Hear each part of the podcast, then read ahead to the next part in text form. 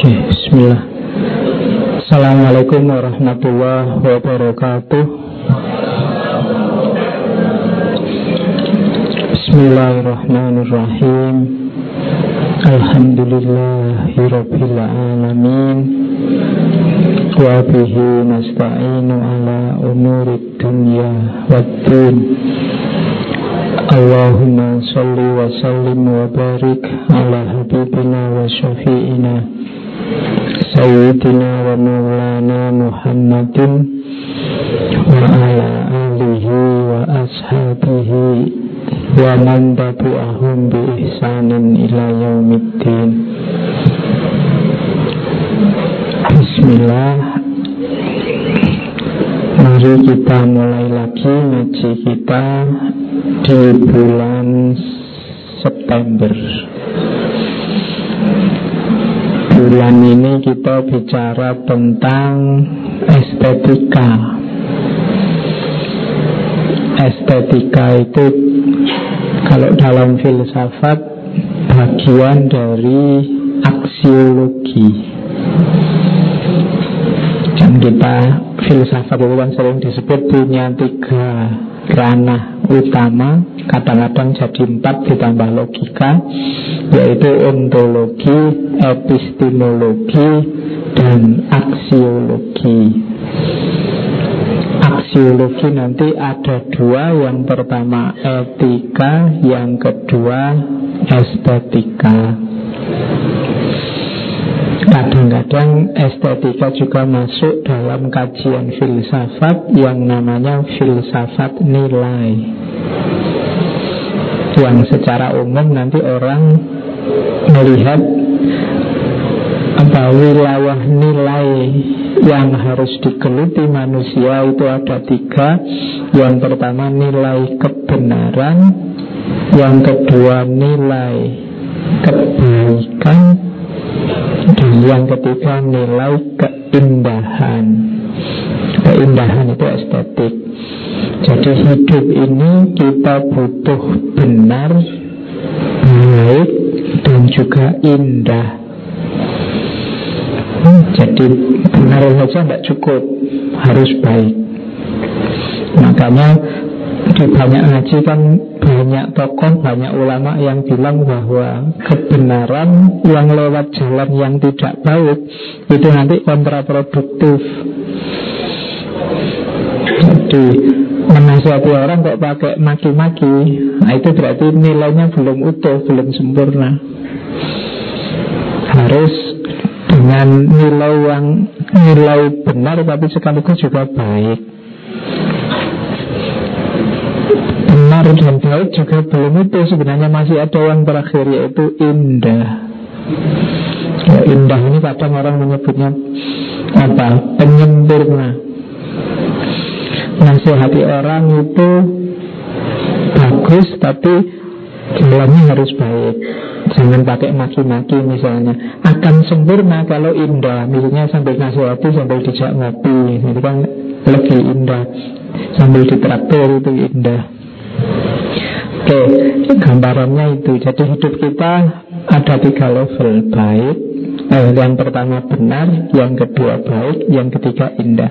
Cuma indah ini karena penyempurna sering tidak jadi perhatian.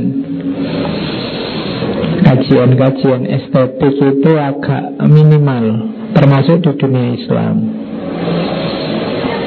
Maka malam ini kita rame-ramekan dulu. Satu bulan ini siapa tahu ada yang tertarik dan ngaji kita ini ya bukan ngaji yang bisa mendalam sampai sedetail apa. Pokoknya anggap saja menginspirasi kalian dapat wawasan apa kalau tertarik ya keluarlah baca sendiri belajar terdalam sendiri. Tidak usah nunggu kapan temanya diangkat ya kamu kalau tertarik belajar baca. Ngaji ini kan cuma mancing saja kalau kalian misalnya malam ini kita tokohnya Ismail Faruqi ya Mbak mungkin saya ngangkat semua yang berhubungan dengan beliau termasuk tentang seni yang di bukunya seni tauhid itu bukunya tebalnya sekitar 300an halaman itu nggak mungkin detail saya bawa ke sini semua saya ambil sepotong-sepotong yang sekiranya kalau saya sampaikan levelmu nyampe. Ya, karena kalau terlalu dalam kamu pusing juga. Itu pun kadang-kadang kamu juga melongo aja aku ngomong apa. Ya, padahal tak hitung semoga nyampe. Kadang-kadang ya tidak nyampe juga. Oke, ya yang tertarik diperdalam Dan ngaji ini tidak bernilai fatwa Jadi kalian nggak harus Wah harus menurut ya enggak Wah ini cuma belajar Setuju boleh, enggak setuju boleh Tapi kan kalian harus tahu Oke. Kita awali. Bismillah. Saya kasih judul Seni Tauhid. Karena Ismail Faruqi sebenarnya Judul Seni Tauhid itu dipotong dari bukunya beliau Yang judulnya Cultural Atlas of Islam. Apa? Peta Kultural Islam. Beberapa bagian akhir itu tentang seni. Terus mungkin sama penerjemahnya dipotong Yang bagian seni diterbitkan tersendiri dengan judul Seni Tauhid. Semoga kalian sudah baca buku ini. Kalau belum ya tidak apa-apa. Oke, malam ini saya bawa sedikit ya Ismail Faruqi ini. Mungkin teman-teman kenalnya beliau tokoh yang menggagas Dilakukannya namanya Islamisasi ilmu. Kapan-kapan ya kita angkat tema ini. Yang paling utama dan paling pokok dan dikenal tentang beliau memang tentang islamisasi ilmunya. Beliau punya internasional Islamic apa? Institusi saya lupa. Institution of Islamic Thought Triple IT. Jadi yang kita kenalnya di Malaysia, beliaunya di Indonesia juga ada. Dulu diawali pusatnya di Amerika. Jadi Syekh Ismail Faruqi ini kelahiran Palestina tahun 1921. Kebetulan tanggal lahirnya gampang diingat beliau lahir 1 Januari. 1921 nanti meninggalnya 1986 Triple IT itu didirikan 1980 Jadi 6 tahun didirikan Kemudian beliau meninggal. Kelahiran Palestina Nanti ketika Israel datang Banyak yang mengungsi Beliau dan keluarganya nanti mengungsi ke Libanon Kemudian melanjutkan studi di Amerika di dua universitas besar termasuk Harvard, nambah ilmu di Al-Azhar, kemudian di Mesir, kemudian ya beliau mengajar dan mendirikan institusi Triple IT tadi. Jadi kalau ilmunya tidak perlu diragukan lagi. Banyak gagasan-gagasan besar, banyak tulisan-tulisan yang beliau sumbangkan untuk umat Islam. Tidak usah takut, beliau komitmen keislamannya luar biasa. Sangat kental. Nah, malam ini kita cek tentang seni. Cuma seni yang jadi apa poros kehidupan tauhid makanya judulnya seni tauhid Paradigma berpikirnya seorang Faruqi itu adalah pemikiran yang dasarnya tauhid. Oke, kita awali dulu ya, kita belajar peta-petanya dulu. Hubungannya apa agama dengan estetika? Ini banyak orang yang tanya, banyak orang menganggap bahwa ya tidak ada hubungannya, dua hal yang berbeda. Agama urusan akhirat, estetika urusan dunia. Kan ada yang bilang gitu. Tapi sebenarnya ada. Ini dirinya ya ini pakai pakai logika, pakai silogisme. Jadi yang pertama, kenapa agama itu ada? Kenapa sih Allah memberi kita agama. Agama itu kan sering kita sebut sebagai petunjuk dari Allah Fasilitas dari Allah untuk kita bisa hidup yang baik. Jadi agama itu diberikan oleh Allah untuk kita Biar hidup kita tertib, hidup kita baik. Di situ saya sebut tujuannya agama berapa-apa untuk kebaikan kita. Tidak semata-mata biar kita selamat dunia akhirat, tidak. Yang pertama-tama biar kita hidup kita baik. Jadi manfaatnya agama itu untuk kita. Meskipun kadang-kadang akal kita tidak nemu ini ini baiknya apa, tapi jalankan saja pasti baik Allah lebih tahu. Jadi agama tujuannya itu. Nah, tadi saya bilang baik, buruk, kayak tadi ada nilai benar, nilai baik, nilai indah. Baik, buruk ini kan sebenarnya ranahnya ranah etika. Jadi ranah etis. Untuk hidup kita baik, yang kita terus mengatur hidup yang diatur apa? Hubungan kita dengan manusia, hubungan kita dengan sesama, hubungan kita dengan alam. Hubungan semacam ini kan kalau di filsafat namanya etika. Nah, terus orang banyak ngapain sih hidup itu harus baik, harus etis. Kenapa kita kok harus baik sama teman, baik sama alam, baik dengan sesama, baik dengan Tuhan? Kenapa harus baik? Kan nggak rusak-rusakan aja. Emangnya kalau kacau kenapa sih Pak? Ngapain sih ditata-tata, ditertib-tertibkan? Oke. Nah, kayak ngaji ini kan mungkin ada yang protes. Mbok ya yang perempuan ada yang di sini nyambur-nyambur kan lebih enak mungkin ngantukmu hilang mungkin. Bayangannya kan gitu. Tapi enggak, kenapa harus ditata biar baik, ditertibkan, biar apa? nyaman biar apa itu di situ rasanya itu tidak ganjel biar pas enak nyaman sesuai kan gitu kenapa kamu harus baik sama temenmu ya biar sama-sama enak.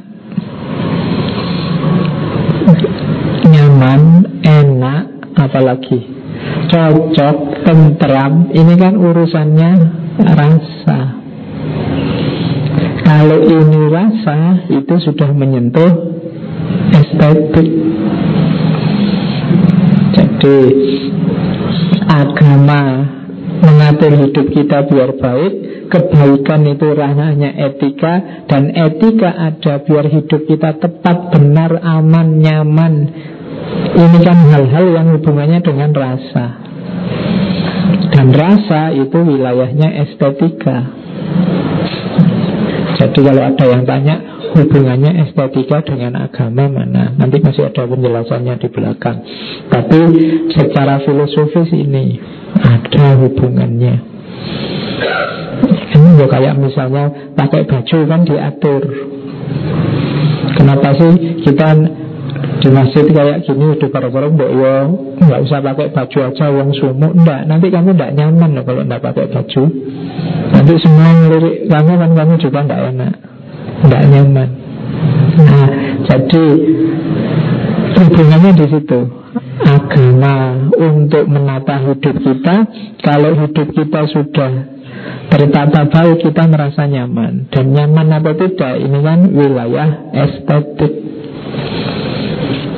Wilayahnya estetika Jadi agama berhubungan dengan keindahan. Makanya agama itu kadang-kadang kan Dalam tanda petik kamu anggap ini apa-apa kok diatur ya.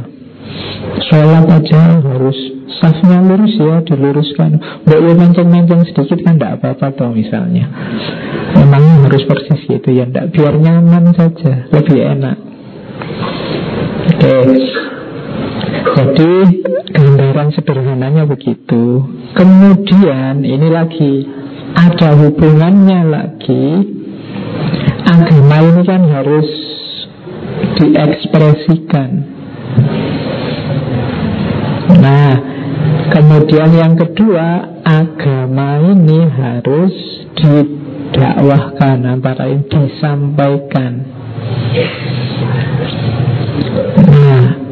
Penyampaian agama, menjalankan isinya agama, itu kan berhubungan dengan emosi, dengan rasa.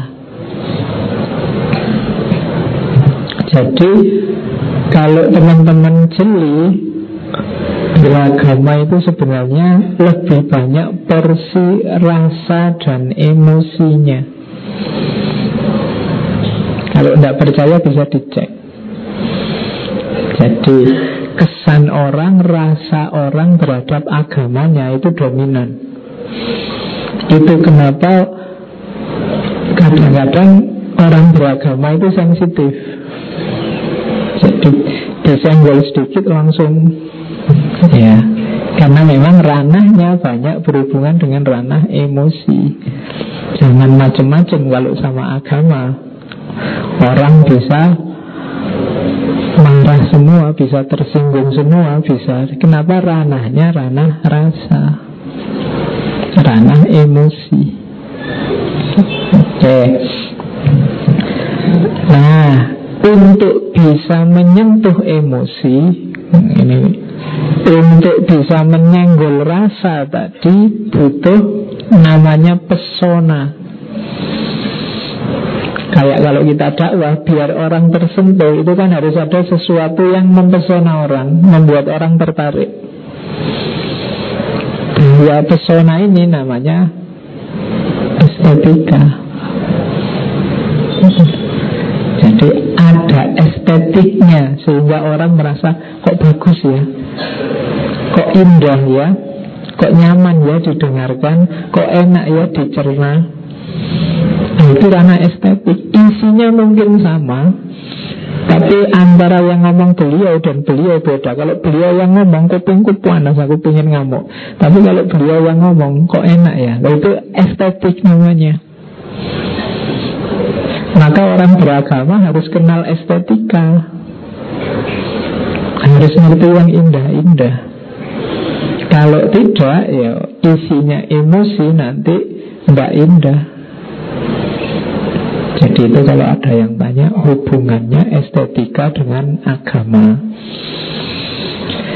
Oke Paling tidak kan sekarang ngerti hubungannya Sejak awal waktu paling tidak kalian juga ngerti Oh ada istilah estetika loh gitu.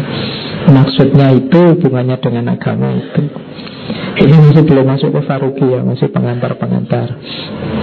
Kalau ini sudah mulai masuk. Jadi Faruqi itu kenapa sih pakai istilah tauhid? Karena bagi Faruqi tauhid adalah porosnya, pusatnya, worldview-nya seorang muslim.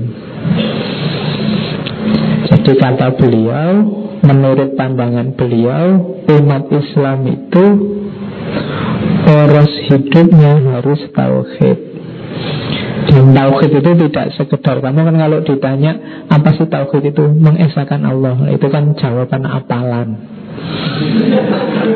Ya jawaban apalan. Sebenarnya ya mbak sederhana. Iya definisinya itu Dari wahada yuwahidu tauhidan.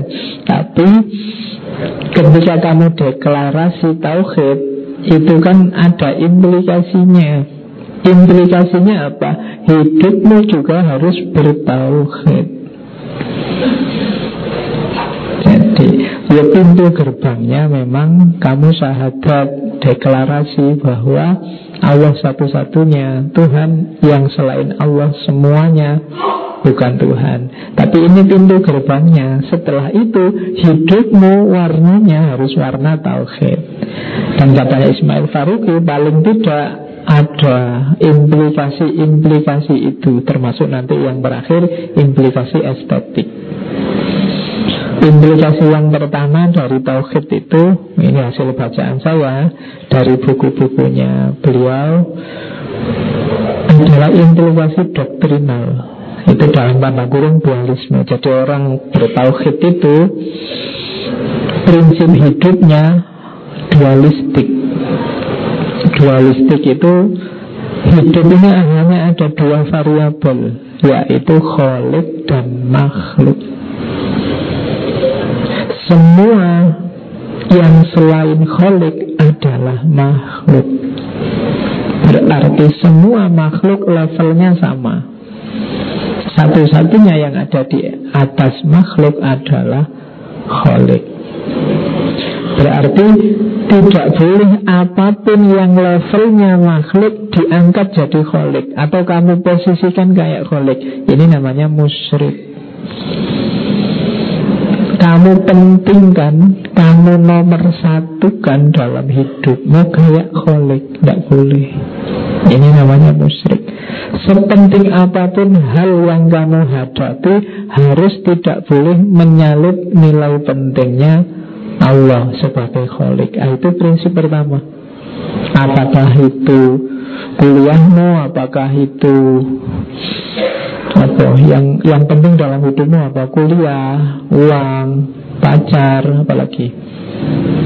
Tidak boleh ada yang kamu anggap penting melebihi nilai pentingnya kholik itu prinsip doktrinal namanya. Jadi jangan mempertuhankan apa pun bahasa lainnya selain Allah. Kalau tidak meskipun wiritanmu sahabat tiap hari hidupmu belum bertauhid. Kamu sebenarnya tidak bertauhid. Jadi kalau pakai teori skala Kalau pakai teori prioritas Itu Allah harus selalu prioritas nomor satu Berarti orangnya bertauhid. Kalau belum Kalau Allah masih sering kalah Atau kamu kalahkan dengan kepentinganmu Berarti kamu belum bertauhid. Makanya sombong itu disebut sirik kecil. Karena sombong memposisikan dirimu di atas makhluk yang lain. Sombong itu kan kamu merasa lebih besar dari yang lain Dari temanmu, dari tetanggamu, dari siapa pun. Berarti kamu ada di atas makhluk yang lain. Sementara satu-satunya yang harusnya boleh di atas makhluk itu hanya kholik Berarti kamu memposisikan dirimu jejer sama kholik Makanya disebut kamu syirik.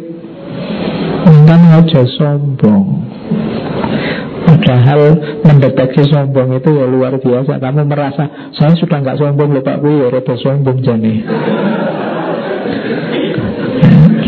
Jadi Yang pertama itu doktrinal.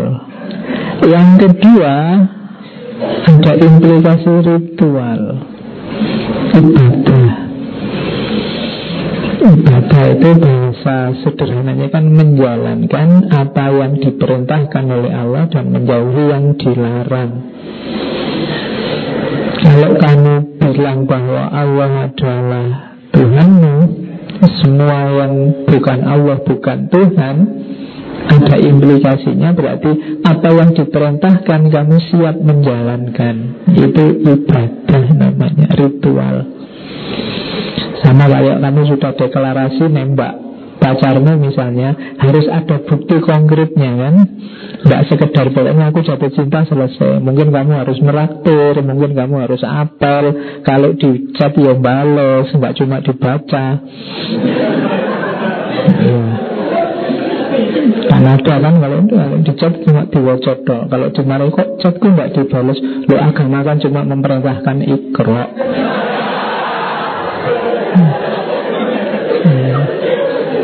Jadi Al-Quran cuma memerintahkan ikro Jadi bacalah bukan balaslah Makanya cuma tak baca.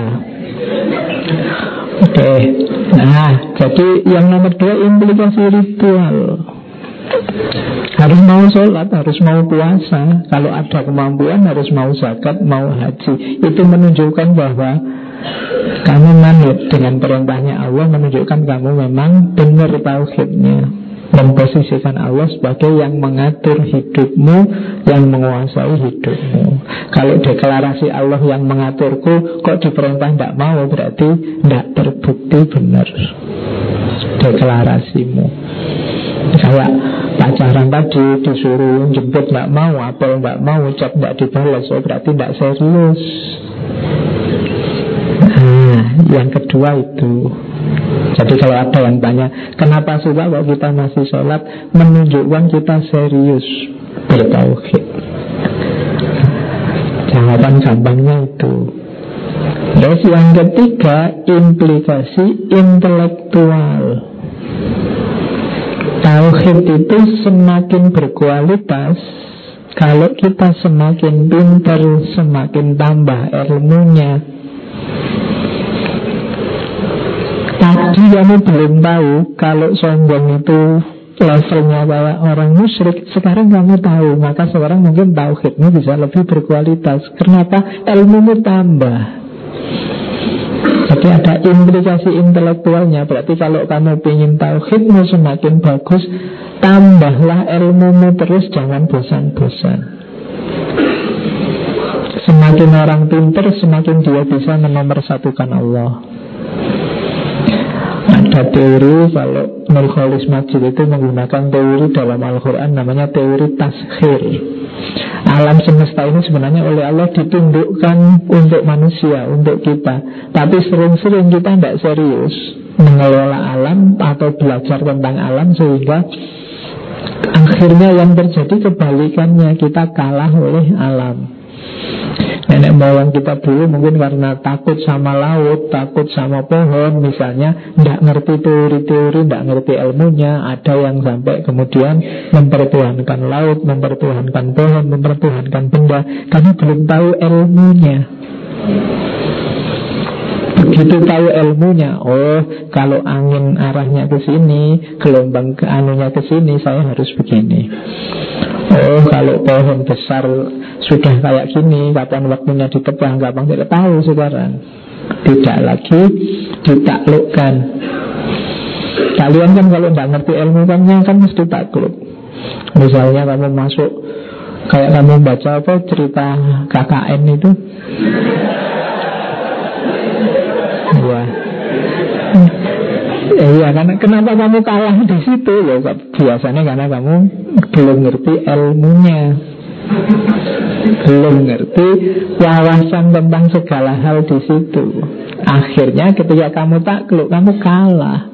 Kalau kamu kalah, kamu tidak bisa nomor satu, apalagi menomor satukan. Akhirnya kamu tunduk. Kalau sudah ada kalah menang itu kan berarti ada atas bawah. Padahal tadi hierarkinya itu harusnya kita setara semua. Satu-satunya yang atas hanya Allah. Sama kayak kalian takluk dengan uang, takluk dengan harta, takluk dengan pasangan. Tauhidnya mesti tidak bisa utuh, tidak bisa sempurna. Maka di antara solusinya belajarlah, tambah ilmu terus biar nggak kalah. Nah, itu implikasi intelektual namanya. Yang tidak mau belajar berarti tidak serius bertauhid. Yang tidak mau nambah ilmu berarti juga tidak serius bertauhid. Yang ketiga itu. Yang keempat kalau ini otomatis ada implikasi sosial.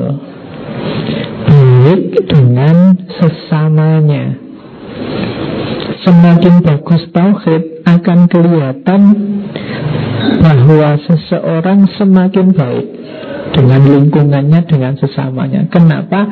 Tadi logika hierarki tadi loh. Kita dengan yang lain ini setara. Jadi tidak usah kamu berjuang memperjuangkan kesetaraan. Baguskan saja tauhidmu Otomatis kamu akan menganggap Siapa pun yang ada di sekelilingmu itu setara denganmu. Kalau setara kan enak bisa akrab. Sumbernya problem sosial itu biasanya ketika ada berpikir hierarki Aku lebih baik dari dia Aku lebih penting dari dia Aku tidak mau di apa tindas oleh dia Aku menindas dia dan seterusnya secara sosial pasti bagus. Makanya Rasulullah itu bilang unsur akhaka zaliman au mazluman Jangan sampai umat Islam itu ada yang zalim atau ada yang dizalimi. Kalau fenomena kezaliman ini terjadi Tauhid tidak berjalan di situ. Karena ketika ada kezaliman Ada atas, ada bawah. Ada yang menindas, ada yang ditindas. Ketika penindasan terjadi ya, Tauhid belum wujud. Maka cirinya tauhid sudah lahir itu kehidupan sosialnya bagus. Oke, itu yang kelima. Eh, yang keempat. Yang kelima, tauhid juga ada unsur penyempurnanya. Seorang yang bertauhid itu juga punya ekspresi estetik ingin yang terbaik untuk Allah. Itu implikasi tauhid juga. Kamu sholat misalnya Harusnya misalnya mazhab syafi'i itu sholat asal kamu nutup besar sampai lutut Itu sah Auratmu sudah ketutup tapi rasanya tidak pantas ya. Rasanya tidak sopan ya Kalau sholat hanya pakai itu. Ya sah sih. Nah terus kamu nambahi Sudahlah pakai sarung, pakai jubah, pakai celana Biar kelihatannya lebih rapi, lebih sopan. Nah, Itu namanya apa? Implikasi estetik. Kamu ingin mempersembahkan yang terbaik untuk Allah. Kamu ingin memberikan yang paling bagus untuk Allah. Itu namanya implikasi estetik Makanya kalau zakat dicari yang paling bagus makanan pokoknya. Kalau memberi orang lain dicari yang paling kamu cintai. Itu berarti mempersembahkan yang paling bagus untuk Allah. Apa pun itu. Oke, jadi orang yang tauhidnya utuh itu harusnya karakter hidupnya warnanya tauhid cirinya itu tadi. Hidup didasari doktrin tauhid dualitas kholik sama makhluk. Mau diperintah mau dilarang. Kemudian mau belajar. Kehidupan sosialnya bagus dan siap mempersembahkan yang terbaik untuk Allah Berikan bagian yang terbaik dalam hidupmu untuk Allah. Memberikan yang terbaik inilah nanti disebut estetik. Allah menyuruh kita membaca sholawat. Kalau hanya saya bilang kayak waktu ngawali ngaji tadi Allahumma sholli ala Muhammad wa Muhammad. Itu sudah sah, sudah benar, sudah bagus. Tapi saya ingin memberi yang terbaik untuk Allah. Maka lahirlah Solawat yang estetik, ada lagunya, mungkin dibaca bareng-bareng pakai nada, pakai itu kan ingin memberikan yang terbaik, tidak sekedar baca solawat. Itu namanya estetiknya ada. Ya sama kayak tadi, kalau kamu sholat hanya pakai sarung yang nutup udel sampai dengkul kan sudah beres. Tapi kan rasanya tidak pantas ya. Harusnya lebih sopan lah. Terus kami pakai celana. Cuma celananya jangan pakai karena saya ngalami ada yang sholat kaosnya slim fit yang ketat itu cowok tapi kan sholatnya di depan saya. Terus celananya pakai jean yang eh, low rise itu. Jadi bokongnya kelihatan separuh. Ya Terus tak pikir-pikir ya ya sholat itu kan dari lutut sampai dengkul. Ada daya kalimatnya itu depan belakang loh ya, tidak cuma depan kok.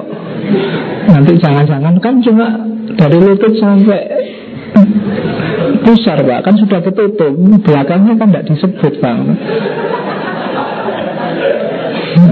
Tapi lucu kamu waktu itu ngarep itu.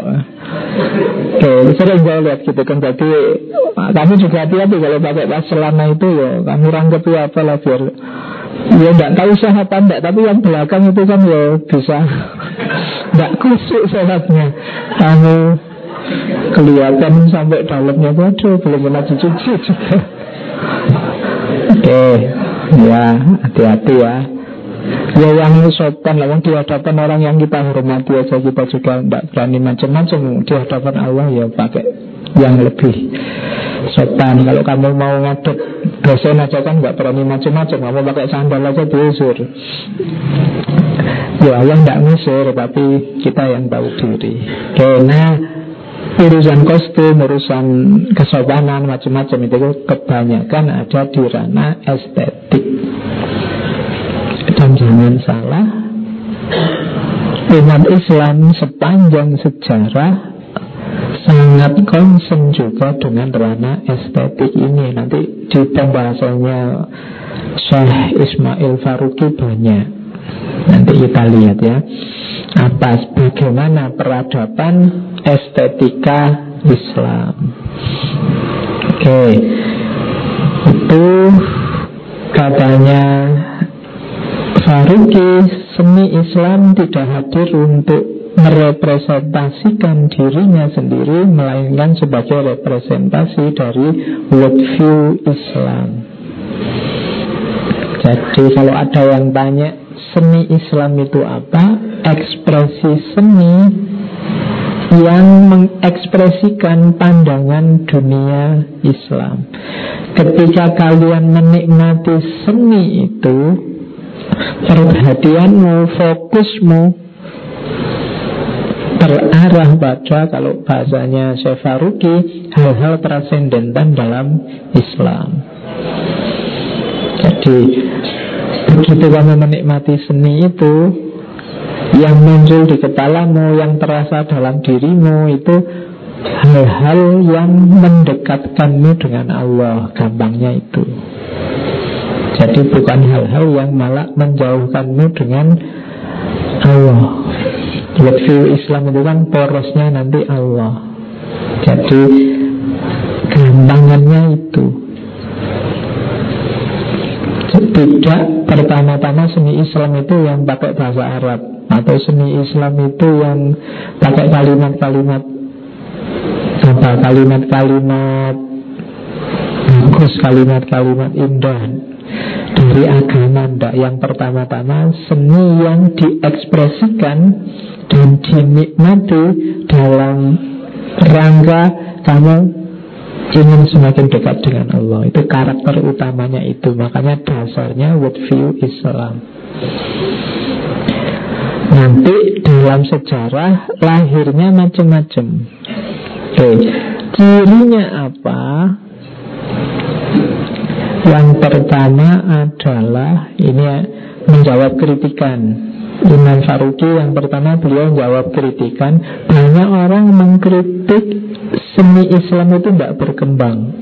Termasuk kan ada fatwa Ini itu haram alat musik haram ya kayak gitu kan terus disimpulkan oh berarti di dunia Islam itu seni nggak mungkin berkembang. Tapi dalam sejarahnya ternyata berkembang pesat loh seni apa saja. Seni musik seni rupa seni suara. Sejak zaman dulu berkembang. Tapi kan dalam Islam ada larangan-larangan. Iya larangan itu bukan kok larangan nggak boleh berekspresi estetik, tapi ada batas-batas orang beraktivitas seni. Misalnya,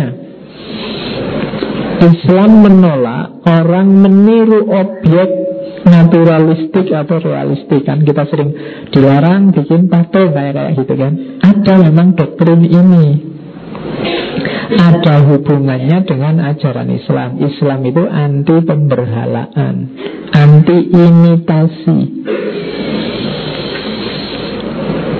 Jadi gambar kok natural, kok realistik itu katanya Syekh Faruqi dalam Islam tidak terlalu disukai. Kenapa? Tidak kreatif.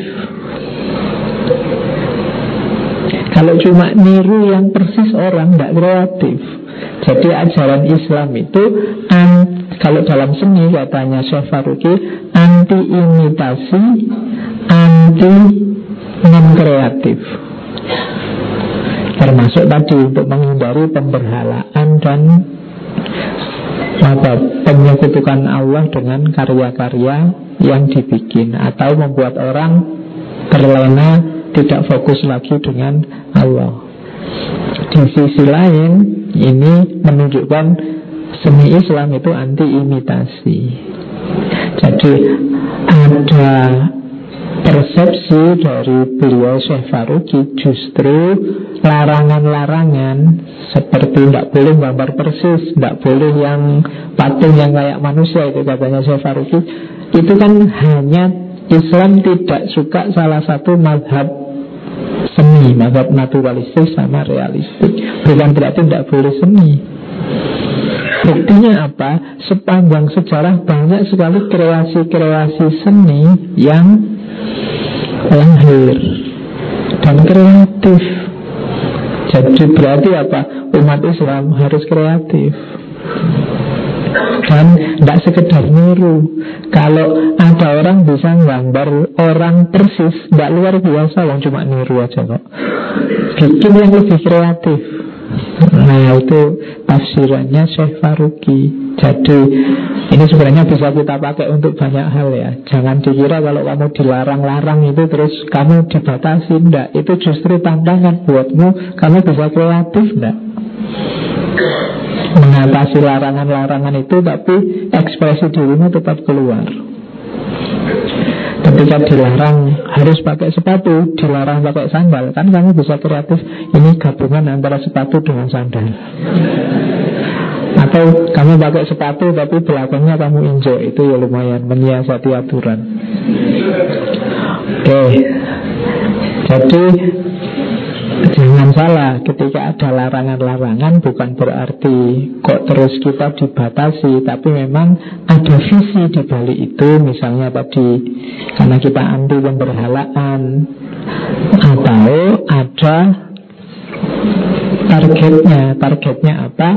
Biar kita kreatif, tidak sekedar mengimitasi. Nah itu jawabannya Syekh. Jadi kita tidak boleh cengeng.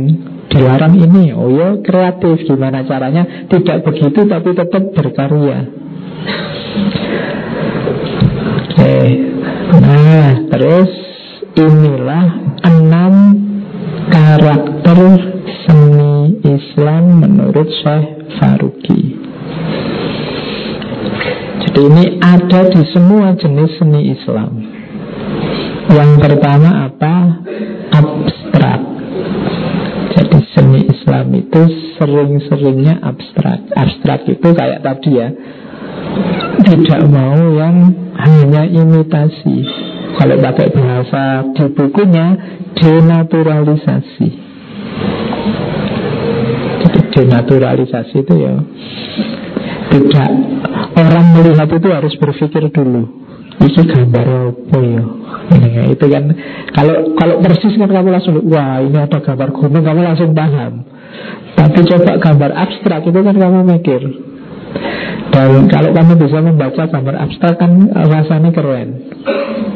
Oh kamu ternyata kreatif, akalmu jalan. Padahal itu mungkin yang logis ya cuma anu, tapi kamu bisa oh itu bagus. Nah itu abstrak. Cirinya seni Islam itu abstrak. Tata musik, tata suara, tata ruangan juga ada rahasianya abstrak. Abstrak itu berarti apa? Tidak bisa hanya lihat sekilas terus kamu paham maksudnya. Jadi abstrak. Yang kedua modular. Biasanya modul-modul yang saling bersambung. Paling gampang kamu lihat karpetmu itu pas bagian gambarnya. Itu kan ada modul-modul yang saling bersambung. Yang rasanya itu ada yang besar, ada yang kecil Terus susul menyusul. Kombinasi suksesif yang pengulangan. Diulang-ulang terus. Kan kamu bingung ini awalnya mana, akhirnya mana.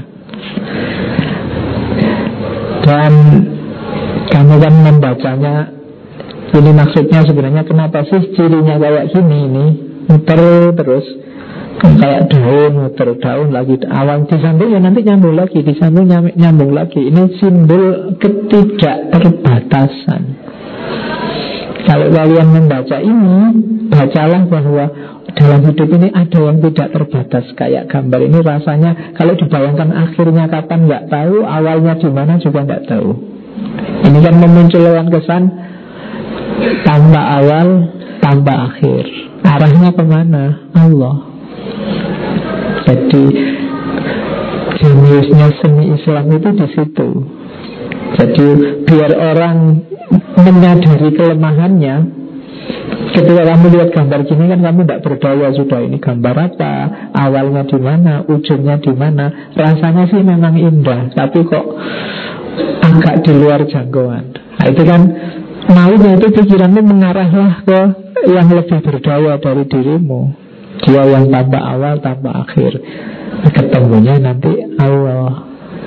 Jadi cuma mungkin kamu nggak pernah berpikir ke sana waktu lihat ini. Kalau ada karpet untuk gini kan bayanganmu bisa tidur aja. Tapi sebenarnya ini ada maknanya salah satu contoh seni Islam. Dan itu dinamis sepanjang sejarah umat Islam. Sudah ada kreasi-kreasi semacam ini. Jadi sudah banyak bisa dinikmati sepanjang zaman. Dan rumit cirinya lagi. Ini kan rumit. Kalau kamu sholat mungkin pernah tidak merenungi gambar sajadahmu kamu sering tahu sholat sambil nonton sajadah. Kilo gambar apa masjid kok kayak gini? Ya, ya kan. Itu kan Lalu itu khas karakteristik kita. Memang tidak natural Kalau kalau ingin gambar yang persis dengan aslinya Ya ngapain kamu gambar Foto aja. Itu ada misinya. Kayak tadi dia abstrak, modular, suksesif Diulang-ulang, dinamis dan rumit. Memang maunya begitu ada misinya. Jadi karakteristik seni Islam hampir semua begitu. Oke, terus Nah, kalau tadi cirinya ya Sekarang hati-hati katanya Syekh Faruqi Banyak orang salah persepsi terhadap seni Islam Ini banyak orang pakai logika asosiasi simbolisme. Jadi kadang-kadang kan logika simbolisme itu gini loh. Ini simbol apa, itu simbol apa. Kalau dalam Islam logika semacam ini tidak terlalu menonjol. Setiap hal kalau dalam Islam katanya Syekh itu fungsional. Ada manfaatnya, ada gunanya. Kalau simbol itu kan barangnya ini, manfaatnya apa, tidak kelihatan. Tapi kalau seni Islam tidak begitu. Maka memahaminya jangan simbol. Kalau di buku itu dicontohkan misalnya gambar bulan sabit. Kita kan sekarang banyak yang bilang bulan sabit itu simbol Islam Kalau salib itu simbol Kristen. Nah, Cara membacanya tidak begitu katanya Syekh Faruqi. Bulan sabit itu tidak bisa kita klaim sebagai bahwa itu simbolnya Islam. Itu dulu simbolnya tentara Turki Utsmani Cuma karena kita pakai logika simbolisme, logika asosiasi, terus kalau ini diasosiasikan Islam, kalau itu diasosiasikan Kristen, misalnya yang pakai salib. Cara berpikirnya tidak begitu, katanya Syekh Faruqi. Kalau kita berpikir begitu, nanti kita kayak di agama yang lain dong. Ini mewakili itu. Ini bukan barangnya yang ada Tapi yang ada di sana. Ini cuma simbolnya. Nah kita tidak pakai begitu. Makanya Islam anti pemberhalaan Kaum Quraisy zaman dulu kalau ditanya kok kamu menyembah patung Lata dan Uza Oh ini mewakili Tuhan. Nah kita tidak punya logika semacam ini Katanya Syekh Faruqi. Jadi dalam Islam tidak ada logika itu banyak orang yang cuma pakai logika simbolisme ini Kenapa bisa begitu? Kalau ini nanti bisa kalian bahas, kalian diskusikan Yang pertama karena pemahaman gaya barat Kita memang tidak terlalu intensif di dunia estetika sehingga teori-teori estetik banyak nimber dari barat sehingga kita membaca karya-karya seni Islam juga pakai teori-teori barat termasuk yang tentang asosiasi tadi. Yang kedua, ya minimnya pengkaji tentang estetika dan yang ketiga pengaruh sufisme. Sufisme itu kan kental sekali dengan simbol-simbol, dengan isyarat-isyarat. Itu yang banyak berpengaruh nantinya dalam tradisi estetika Islam. Sehingga terus dibaca banyak hal dalam Islam yang harusnya tidak dibaca secara simbol, kita baca secara simbol. Apa mewakili apa. Nah itu yang menurut Faruqi harus dikritisi. Jadi itu akar kekeliruannya di situ. Oke, kita mulai masuk satu demi satu bagaimana seni yang berkembang di dunia Islam yang basisnya adalah tauhid. Yang pertama, yang jelas seni sastra. Hampir semua seni dalam Islam ada ada pemicunya. Pemicunya apa? Al-Quran. Seni suara juga nanti puncaknya dan awalnya adalah Al-Quran. Seni sastra juga begitu. Seni rupa, kaligrafi, ornamen itu juga begitu. Jadi kuncinya memang harus diawali dari kita lihat peradaban seni Islam dari inspirasi Al-Quran. Nah, seni sastra yang pertama itu sangat jelas dengan Al-Quran bermain. Tapi Al-Quran adalah puncaknya syair dan sajak. Katanya Syekh Faruqi. Menginspirasi sangat banyak sastrawan. Meskipun pasti tidak bisa ditiru Jadi Al-Quran bukan syair, bukan sajak Al-Quran tidak mengikuti aturan syair, tidak mengikuti aturan sajak, tapi rasanya sangat syair, rasanya sangat sajak. Al-Quran menggunakan aturan-aturan syair, aturan sajak, tapi yang tidak, tidak terlalu setia. Jadi Al-Quran ada unsur syairnya, ada unsur sajaknya, tapi bukan itu fokusnya. Itu yang susah ditiru. Kalau kita bikin puisi kan ikut aturan puisi. Oh, Puisi itu harus A, A, A, A. Terus kamu habis ngomong A yang kedua A A apa lagi ya. Terus yang kamu kan ingin menyesuaikan nah, Harus ada A nya Kadang-kadang nggak cocok Yang penting A. Kalau Al-Quran misinya tidak ke situ Tapi rasanya terus jadi luar biasa Habis A, A, A Harusnya yang terakhir A Tiba-tiba terus jadi B Tapi ini hentaan ini yang justru menarik dari Al-Quran jadi istimewanya di situ makanya pakai istilahnya Faruqi sublimitas sastrawi. Orang menandingi susah. Terus yang kedua istimewanya Al-Quran itu menggunakan kata dan frasa maknanya pas menyebut manusia itu bisa pakai istilah macam-macam, tapi selalu pas.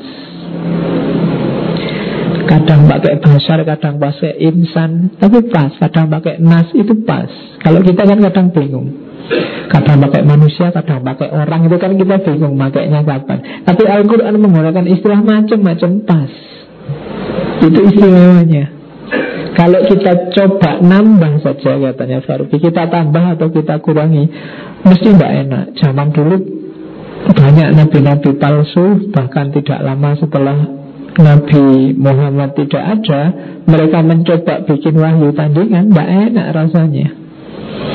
Al-Quran ada surat Al-Fil Dengan yang surat Alam Taro itu ditandingi oleh Musailamah bikin surat tentang kodok kata kata apa kata itu? Wama adro wama dan seterusnya itu kan. Rasanya lucu tapi kalau Al-Quran yang bilang tentang gajah itu kan rasanya luar biasa. Jadi itu istimewanya sublimitas sastrawi yang kedua Al-Quran itu kan macam-macam. Kadang ngomong nyamuk segala. Itu kalau kamu ngomong nyamuk kan rasanya sepele. Tapi kalau Al-Quran yang menyampaikan Tidak.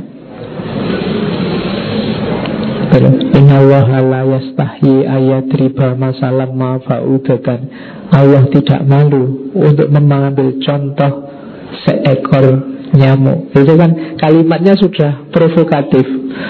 Allah tidak malu loh untuk ngambil contoh nyamuk itu kan menggugah pikiran. Iya ya. Allah nggak malu ya. Itu kan kalau kamu kan mungkin agak susah merancang kalimat semacam itu. Itu yang disebut sublimitas sastrawi. Oke. Kemudian frase kata-kata dalam Al-Quran itu kadang saling cocok kadang saling kontras tapi indah. Itu Afala yang guruna ilal ibili kaifa khuliqat wa ilal dan seterusnya itu kan. Rasanya indah tentang gunung, tentang anu tiba-tiba ngomong apa, tapi rasanya indah. Jadi tidak kok tidak enak? Kalau kamu kan kayak makalahmu itu habis ngomong apa tiba-tiba ngomong apa kan tidak enak Iya, di depan cerita apa tinggal kalau makalahmu seorang membaca jengkel. Tapi Al-Quran itu loncat-loncat, tapi indah, tapi enak. Itu yang disebut dia sublim, puncak, tidak bisa ditiru. Kalau kamu tiru tidak cocok pasti, pasti tidak enak.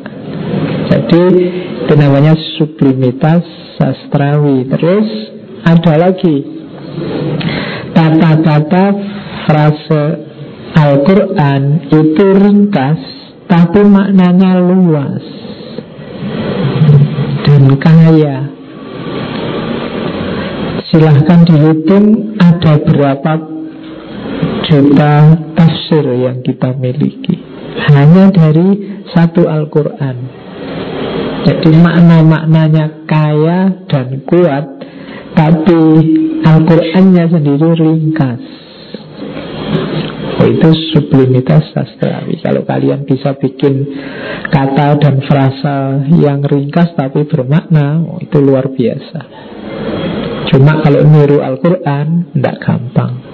Al-Quran kan di beberapa ayat menantang kita. Kalau kamu mampu, faktu bisuratin. Bikin satu surat, bikin satu ayat. Karena memang susah. Kemudian perumpamaan-perumpamaannya Konjungsi, disjungsi Konsep dan petunjuknya Sangat indah, sangat mudah untuk dibaca. Tidak bosen loh kamu baca Al-Quran itu. Yo, kalau males sih ya saya akui. Cuma kalau bosen pasti tidak Kalau kamu suka pasti tidak bosen. Kalau bosen kamu ulang-ulang mesti sudah capek. Ngapain dibaca lagi? Yang kemarin kayak gitu sudah pernah Kan enggak Ya, kalau malas baca sih urusan lain ya.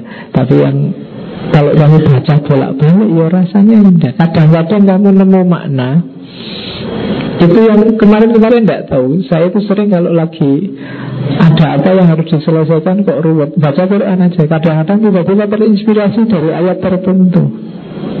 Iya ya. Kok ayat ini kelewatan lama ya harusnya sudah saya ingat-ingat sejak dulu. Tapi baru sekarang kebaca lagi. Mungkin ayat yang sama Sekarang menimbulkan kesan yang berbeda Dibandingkan dulu. Gitu. Jadi makanya kadang-kadang Ada imam itu nangis Padahal ayatnya sebenarnya bukan ayat sedih. Mungkin dia menangkapnya secara sedih. Versi pengalaman hidupnya masing-masing. Itu istimewanya Al-Quran. Ada yang baca ayat kiamat terus menangis. Ada yang baca ayat tentang apa kelemahan manusia terus menangis. Ada yang macam-macam. Ya, jadi itu sublimitas sastrawinya Al-Quran. Kemudian perumpamaan-perumpamaannya kan banyak. Karena ada itu perumpamaan tentang semut yang berjalan di atas batu di malam hari. No. Itu susah membayangkannya, tapi itu menunjukkan kegelapan yang tidak bisa diketahui ada apa di situ. Oke. Komposisi Al-Quran selalu tepat, terjalin dengan baik, tersaji dengan indah, bagaikan karya seni yang sempurna. Gayanya kuat, empatik Empatik itu maksudnya apa? Kalau kamu baca Al-Quran Seolah-olah Al-Quran itu ikut merasa yang kita rasakan. Dia selalu memberikan jawaban. Halus dan peka. Oke. Bisa dipakai untuk masa lalu masa kini maupun yang akan datang sifatnya makanya ada istilah soleh likuli zaman wa makan. Itu karakternya Al-Quran. Terus sublimitas sastrawi juga kalau tadi kan yang sifatnya sajak dan puisi kalau ini naskah Al-Quran tidak sistematis, tidak kronologis karena Quran bukan reportase, bukan historiografi, tapi tujuannya apa sih? Tujuannya menggugah, menuntun. Kadang-kadang ada kayak bentaan, kadang-kadang ada kayak rayuan, kadang-kadang ada cerita dongeng, kadang-kadang ini karena memang logikanya orang nonton kan begitu. Petunjuk itu kan begitu. Kalau menghadapi yang nakal-nakal dikasih tahu kok ndak manut-manut ya rasanya kayak agak membentak sedikit kalah atau pakai minta-minta sedikit atau huruf-huruf yang berpotong-potong itu alif lam mim, alif lam ro itu kan membuat kita konsentrasi, fokus lagi ke situ. Itu gayanya Al-Qur'an. Jadi dari sisi perpuisiannya, dari sisi sastranya ya Al-Quran luar biasa dan menginspirasi banyak ulama untuk juga bersair, bersajak. Karena memang sesuatu yang disampaikan dengan indah, kan estetik, itu biasanya lebih menyentuh jiwa. Kamu cuma bilang I love you dengan bikin puisi cinta tiga empat baris itu kan rasanya beda. Kamu kasih puisi ke pasanganmu dengan hanya kamu omongi biasa itu kan beda. Kamu cuma bilang I miss you dengan bilang malam ini rasanya ada yang berdesir di dadaku. Kan kan ya? Wajahmu datang mengganggu, tidak pergi-pergi. Ini kan rasanya beda. Gitu. Ya, makanya para ulama itu sering kalau pas bagian-bagian penting diulang penjelasannya dengan syair atau saja.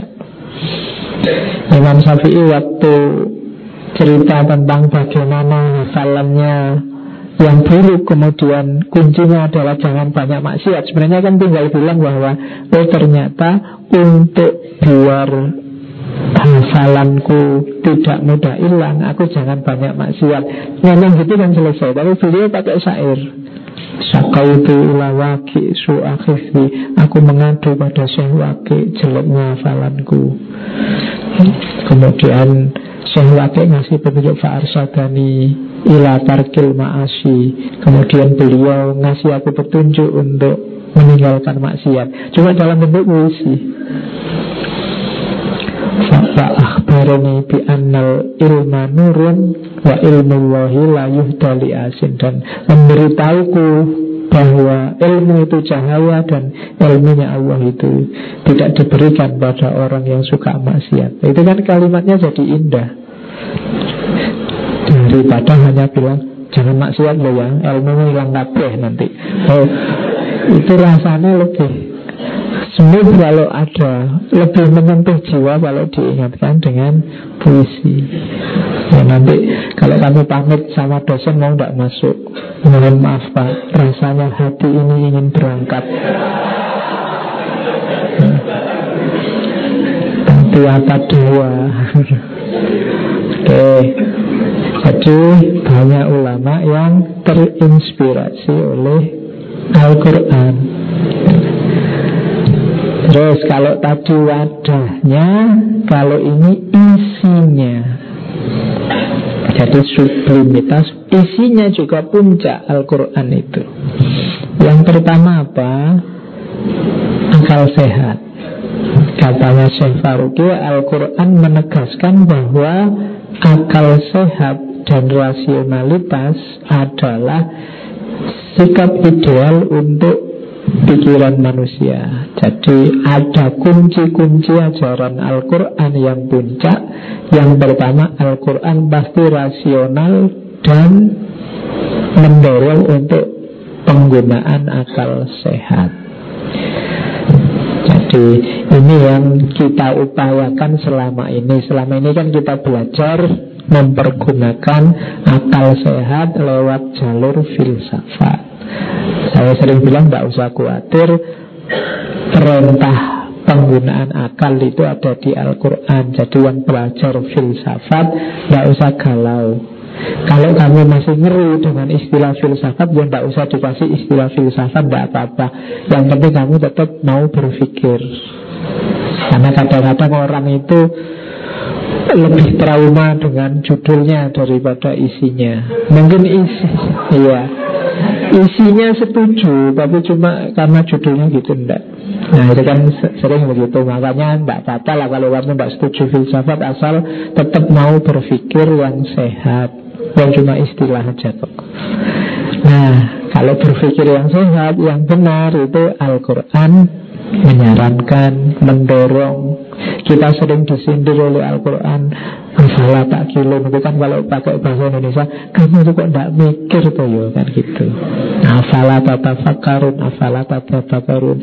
Sering menyebut kita manusia sebagai Ya ulul albab Ya ulul absor. Itu kan menunjukkan Kita dipanggil dengan karakter paling mulia kita. Wahai yang punya pikiran Wahai orang-orang yang berakal Itu menunjukkan bahwa Al-Quran menegaskan bahwa akal sehat dan rasionalitas itu sikap ideal untuk pikiran kita.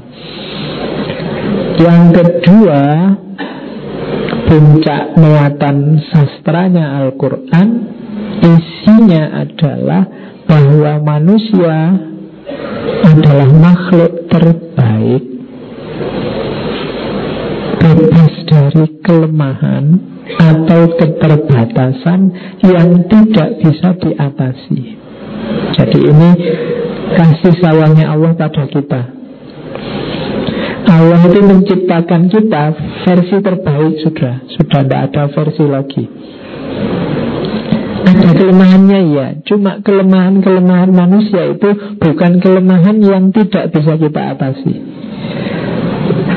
Kalau kita tidak mau ngatasi atau apa, kalau kita mau jeli, sebenarnya problem kita semua ini, kesulitan kita semua ini bisa kita atasi. Kecuali kita tidak mau ngatasi atau kita cengeng.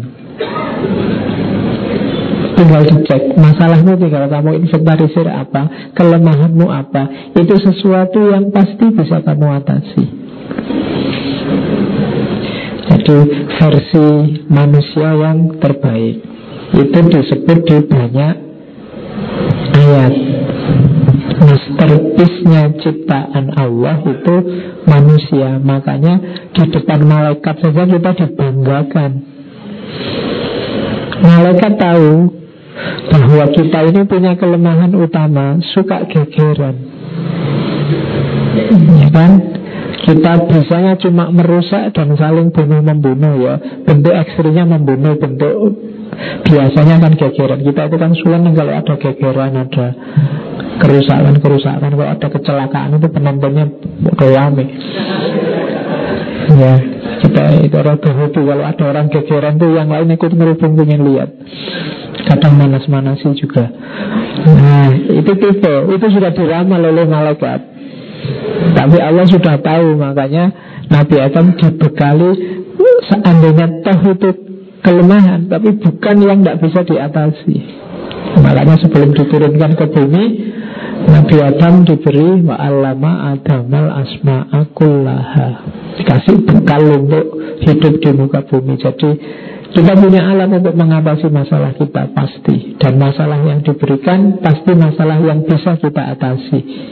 Lalu kalifuwahu nafsan illa usaha Allah tidak mungkin ngasih ujian yang tidak bisa kita atasi. Di luar kemampuan kita Pasti bisa. Mungkin kita kurang jeli saja melihat peluang solusinya.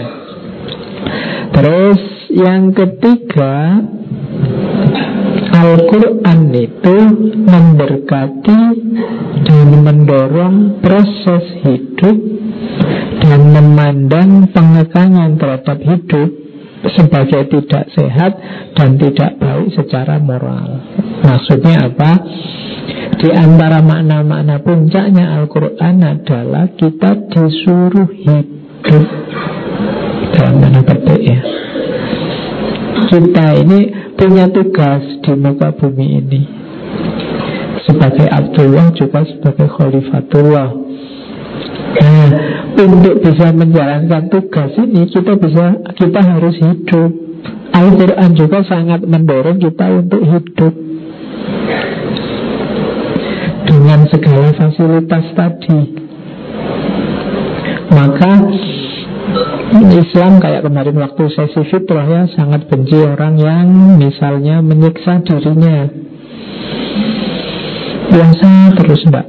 Buka puasa buka puasa misalnya katanya Rasulullah kan ada sahabat itu. Wahai Rasulullah saya ingin dekat terus sama Allah. Makanya ana asumu wala aftur wa ana akumu wala wala anam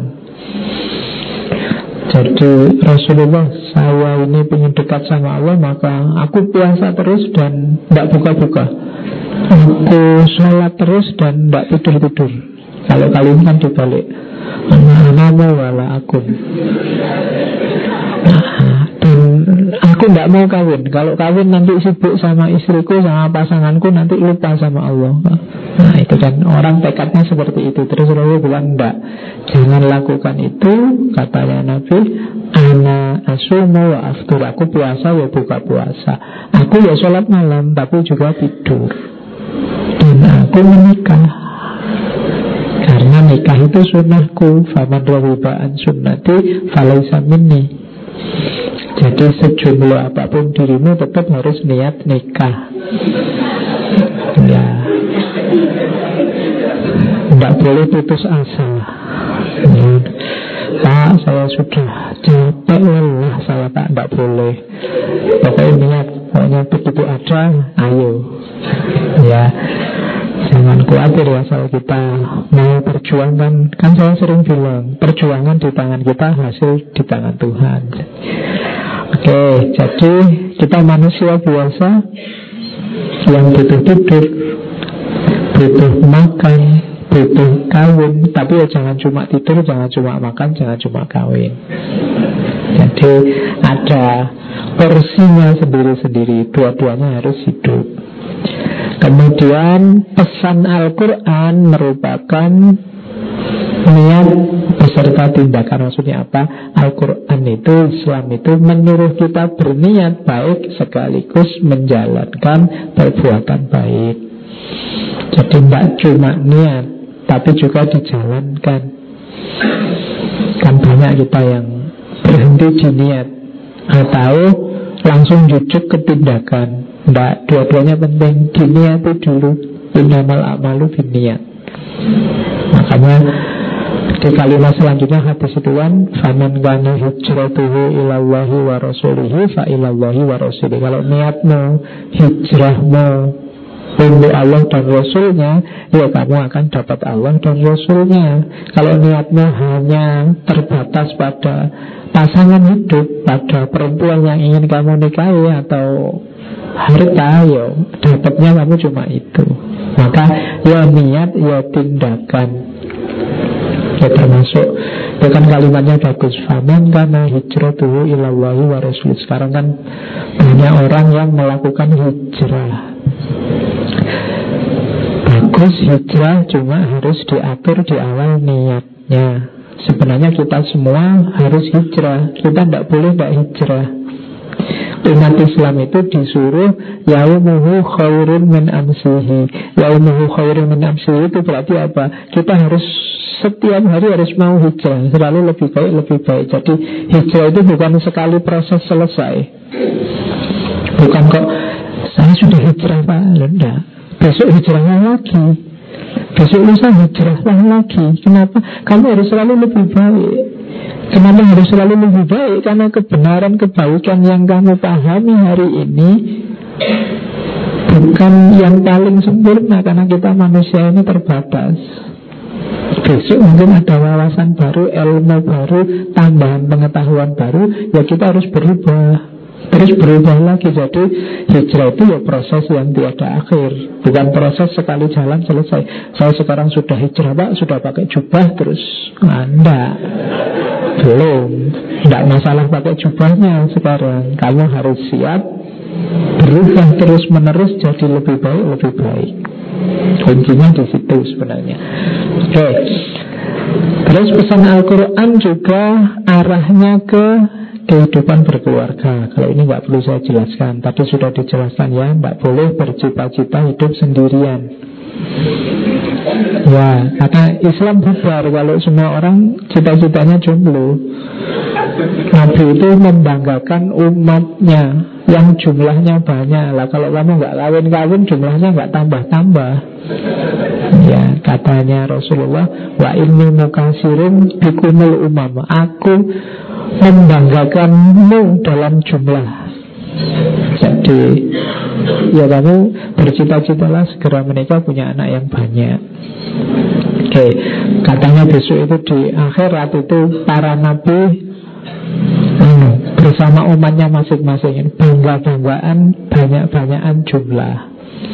Nah, nanti kan kasihan Rasulullah kalau nanti aduh umatku kok jomblo semua tidak ada ya tidak bisa dibanggakan. Oke. Terus pesan Al-Quran itu universal Jadi Al-Quran itu level pesannya universal itu maksudnya apa? Semua orang bisa mempergunakan atau bisa memedomani kebaikan isinya. Bahkan mungkin yang non-muslim kalau ingin wah Quran kelihatannya bagus boleh bisa. Dia sifatnya universal tanpa kecuali. Kemudian berlaku bagi semua umat komprehensif, tidak usah khawatir Al-Quran sudah lengkap. Kamu bisa mengambil inspirasi, mengambil makna apa saja sehubungan dengan hidupmu dari Al-Quran. Kemudian yang terakhir, Al-Quran itu menimbulkan sensasi estetik, rasa keindahan dan kenikmatan yang sangat tinggi. Al-Quran itu tidak mesti harus dibaca dengan lagu yang indah untuk dia terasa indah. Mungkin kamu masih terngiang-ngiang bacaan Al-Qurannya ibumu di kampung dulu yang meskipun nadanya datar-datar saja, tapi melekat di telingamu. Dibandingkan mungkin yang bacaan Al-Qurannya sekarang luar biasa. Itulah indahnya Al-Quran. Mungkin ada anak kecil-kecil TPA yang ngajinya masih ngeja, yang masih agak tapi rasanya juga indah didengarkan. Makanya nikmatilah Al-Quran. Kadang-kadang anak-anak yang kecil-kecil itu tidak harus dipaksa segera apal, segera tidak apa-apa. Biarkan mereka menikmati Al-Quran dulu. Di awal, kalau dulu saya kecil tidak ada ikro yang ngajinya pakai Kawaid nah tadi itu kan A, I, U, Babi, Bu Terus An, In, Un, Tan, Tin, Tin gitu, Kayak gitu. Eh, Ada rasanya. Rasa per hurufnya itu bisa merasuk. Oke, ya kecuali yang kalian sudah tua Tidak bisa ngaji ya Cepet-cepet belajar, tidak usah nunggu. Kan dinikmati dulu Pak Itu tidak Ya kalau kamu sudah kelewatan waktunya. Oke, jadi itu indahnya Al-Quran Jadi ini inspirasi sastranya dan sebenarnya panjang itu urainya bagaimana perkembangan seni sastra di dunia Islam. Cuma tidak mungkin saya jelaskan di sini yang itu sejarah. Kalian harus membaca sendiri. Terus termasuk kaligrafi. Seni kaligrafi ini ya, kalian sudah ngerti lah dahsyatnya seni kaligrafi di dunia Islam. Semoga ada yang ahli di sini atau paling tidak kalian bisa lah ya nulis Arab. Kalau tidak bisa ya latihan. Paling tidak bisa nulis Bismillah lah. Eh, kalau di penjelasannya Syekh Faruqi seni kaligrafi itu ada lima model itu saya bikin lingkaran-lingkaran. Lingkaran paling tengah, paling inti itu yang biasanya paling bisa dipertanggungjawabkan. Semakin keluar, semakin macam-macam itu Semakin kita harus hati-hati. Jangan-jangan spirit Al-Qurannya sudah hilang. Yang paling dasar itu tradisional. Jadi seni kaligrafi tradisional ya, Yang standar kalian baca Al-Quran Buka Al-Quran itu yang modelnya tradisional. Kalau zaman dulu yang paling awal muncul dikenal model hot kufi. Cuma yang sekarang kalian baca di Al-Quran itu kebanyakan model naskhi. Itu yang tradisional. Ada lagi model atasnya lagi namanya figural kalau figural itu Mungkin kalian kalau buka Al-Quran Di pinggir-pinggirnya ada ornamennya, ada lukisannya, ada kayak pinggirannya. Apa? Sajadahmu itu namanya figural figur-figur yang biasanya jajar sama hot atau kadang-kadang di model ada orang nulis Bismillah dengan model cangkir. Atau nulis sahabat kan banyak itu sahabat digambar kayak orang. Ya kan kalian sering lihat itu. Itu masih lumayan. Masih dekat dengan hot aslinya. Ada yang level 3 Kalau level 3 namanya ekspresionis. Ini harus agak hati-hati Karena ekspresionis itu yang didahulukan adalah rasanya si yang bikin kaligrafi. Jadi katanya Syekh Faruqi ekspresionis itu ya kadang-kadang apa lamnya dibikin panjang terus ujungnya nabrak ke mana itu karena mungkin lagi ingin melampiaskan apa gitu itu ekspresionis Jangan nulis nulis baknya dibikin panjang terus sinnya hilang terus memnya bulatnya besar gitu kan. Jadi pokoknya yang berkecamuk dalam diri sih bikin hot dilampiaskan. Ini ekspresionis. Tidak apa-apa cuma jangan sampai kehilangan visi keislaman visi kaligrafinya. Semakin ke atas semakin jauh. Ada lagi yang lebih jauh lagi Selain ekspresionis ada simbolik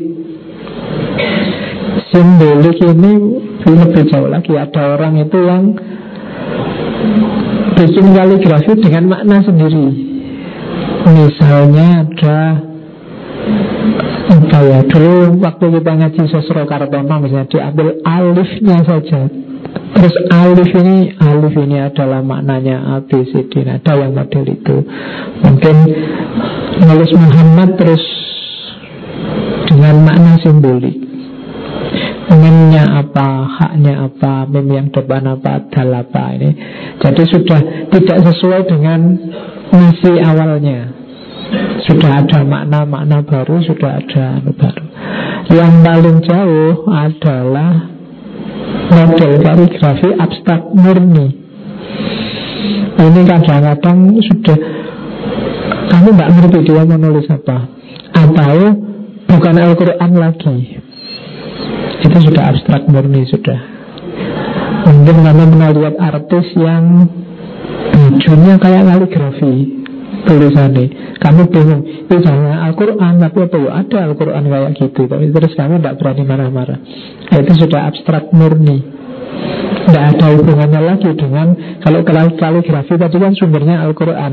Tapi kalau sudah yang paling luar itu yang abstrak murni itu sudah tidak jadi sudah tidak sakral lagi jadi ya, kalau kalian membaca kaligrafi Kalau versinya Syekh Faruqi ya kamu lihat ada di level mana.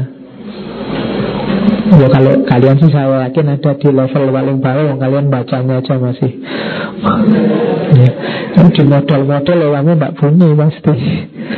Oke, kalau ada kaligrafi yang rumit kan kamu paling ini bacanya gimana ya Ada yang kalian kalau Jumatan sambil baca kaligrafi terus bingung itu bacanya gimana ya? Ini ayat atau lagu atau apa itu?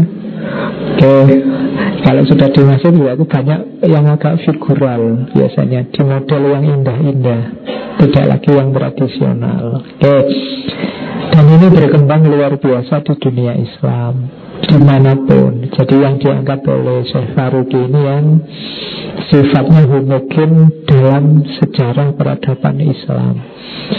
Terus ornamentasi ini yang banyak dijelaskan sehubungan dengan enam ciri tadi itu ornamentasi termasuk seni arsitektur tata ruang macam-macam. Jadi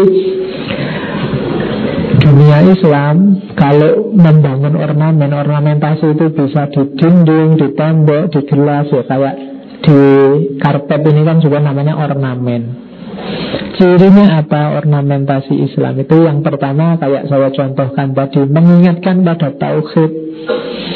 Tak terbatas kemudian sangat tinggi tak terjangkau. Itu kan mengingatkan orang pada Tuhan. Kemudian yang kedua transfigurasi karena mengingatkan pada tauhid maka ada transfigurasi bahan yang semula barang biasa sekarang jadi barang yang bermakna. Itu transfigurasi bahan. Ini cuma plastik biasa, cuma begitu di masjid terus dikasih tulisan Bismillahirrahmanirrahim, dikasih ornamen apa ini rasanya jadi maknanya beda. Ya kayak kalau ada kaligrafi di masjid-masjid itu kan ya sebenarnya bahannya sama cat biasa semen biasa tapi maknanya jadi luar biasa. Itu namanya transfigurasi. Temboknya masjid sama tembokmu itu loh tembok rumahmu itu kan sama-sama tembok dari semen dari bata. Tapi kan kalau masuk masjid sandalmu kamu copot karena ada makna sakral di masjid. Tapi kalau masuk rumahmu kan sandalmu tidak kamu copot. Kecuali kamu diperintah oleh ibumu. Kalau gak dicopot kamu dijewer Kalau di rumah. Tapi nilai sakralnya beda. Meskipun sama-sama bata dan semen. Itu berarti apa? Ada transfigurasi bahan. Kemudian yang ketiga itu tadi mengalihkan perhatian dari hal-hal duniawi ke makna yang lebih tinggi dan yang terakhir indah dan kaya. Contoh paling gampang dari ornamen itu yang sangat sering dicontohkan adalah Arabis. Iya. Mungkin ada yang pernah dengar, ada yang belum pernah dengar. Kalian mungkin sering lihat ornamen-ornamen semacam itu. Itu namanya Arabis. Biasanya yaitu saya ambil satu potong itu kan diulang-ulang, dibolang baleni, rumit, modular, terstruktur, enam ciri itu tadi kan kayak Arabes tadi. Ini rasanya agung, apalagi kalau besar di kubah-kubah masjid itu kan mengingatkan pada keagungan kebesaran langsung nyambung sama Allah sama Tuhan ada yang tak terbatas ada yang tak terjangkau. Kalau kita melihat sesuatu yang tidak ada akhirnya kan rasanya memang tak terbatas dan mengingatkan pada Allah. Sama kalau, kalau kayak kalian kalau saya tanya, ayo berapa angka paling besar? Itu kan kalian berapa ya Pak? Paling besar itu ya sembilan apa itu kan bingung dong tidak ada akhirnya. Itu kan mengingatkan ya pak tidak ada akhirnya. Itu kayak kayak Tuhan ya. segala yang tak terbatas mengingatkanmu pada Tuhan. Sama kayak gambar-gambar Arabes ini. Jadi tidak terbatas. Itu yang awal mana, yang akhir mana, batasnya di mana, wong. Terus nyambung lagi, nyambung lagi di akhir tembok rasanya sudah selesai tapi nyambung lagi sama tembok selanjutnya. Itu lukisan Arabis jadi ornamentasi Islam punya ciri itu. Oke. Ya banyak ciri paling dikenal di dunia Islam termasuk di Eropa dari seni Islam itu Arabis. Ya kapan-kapan kalian perjalan lagi banyak sekali contoh-contoh Arabes ya mungkin di sajadahmu di buku-buku di beberapa bangunan tertentu itu pakai ornamen ini. Ini khas dunia Islam. Kalau yang barat apalagi yang modern minggu kapan itu kita ketemu kan cirinya sering naturalisme bahkan kadang-kadang melukis manusia pun sukanya kan yang natural. Makanya barat awal modern Zaman barat itu Banyak lukisan-lukisan orang nggak pakai baju. Kalau kalian lihat lukisannya Khalil Gibran misalnya Kan sering dia lukis orang nggak pakai baju Karena logikanya logika naturalisme Logika orang itu yang paling sejati Yang murni ya yang apa adanya. Cuma ini katanya orang Islam kalau kayak gitu nggak kreatif. Yang kreatif itu yang melampaui yang digambar. Jadi yang digambar itu tapi pikiran kita nyampe nya ke mana. Kayak lukisan-lukisan Arabes ini Gambarnya seperti apa Pikiran kita nyampe ke mana Oke okay. Nah ada lagi seni ruang. Cuma ini penjelasannya panjang Saya ringkas-ringkas ya karena waktunya. Seni ruang di Islam biasanya unik juga. Cirinya kompleks dan ambigu. Biasanya ruang-ruang yang terinspirasi oleh seni Islam itu dari luar kelihatan biasa-biasa, tapi begitu masuk ornamennya rumit, detail luar biasa. Indahnya luar biasa. Kalau kalian lihat tipe rumah-rumah Timur Tengah kadang-kadang gitu. Dari luar itu kayak cuma kotak-kotak biasa Tidak menarik. Tapi kalian masuk ke dalam Isinya indah, mewah, luar biasa. Itu sebenarnya logika Cara berpikir pengajaran bahwa At-taqwa huna. Kalau katanya Syekh Faruqi Jadi indahnya takwa itu di sini di dalam. Kayak rumah kalau dilihat dari luar biasa-biasa. Tapi jangan lupa manusia itu taman indahnya ada di dalam. Manusia kalau dilihat dari luar sama semua. Kalian ini sepodo kabeh Sepodo hidungnya Lubangnya dua, matanya dua mirip. Tidak terlalu indah biasa saja Kalau dilihat fisiknya. Tapi keindahannya ada di dalam. Dan ini menginspirasi seni ruang Jadi seni ruang yang Dari luar Eksteriornya itu biasa-biasa Tapi dalamnya indah luar biasa. Ya kamu bisa lihat beberapa bangunan khas Islam, istana-istana yang lama itu kan kadang-kadang dari luar kelihatan kayak apa ya, kayak Taj Mahal itu kan dari luar kayak masjid biasa gitu aja kan. Tapi coba kalau masuk ke dalam lihat bahannya, lihat ornamennya, mungkin kamu kagum. Itu menunjukkan bahwa, loh, jangan berhenti di fisik dong, masuk ke dalam. Jadi ruangan juga kadang-kadang menentukan. Ya, Kayak kalian ke masjid ini Masjid ini kalau difoto dari luar biasa-biasa.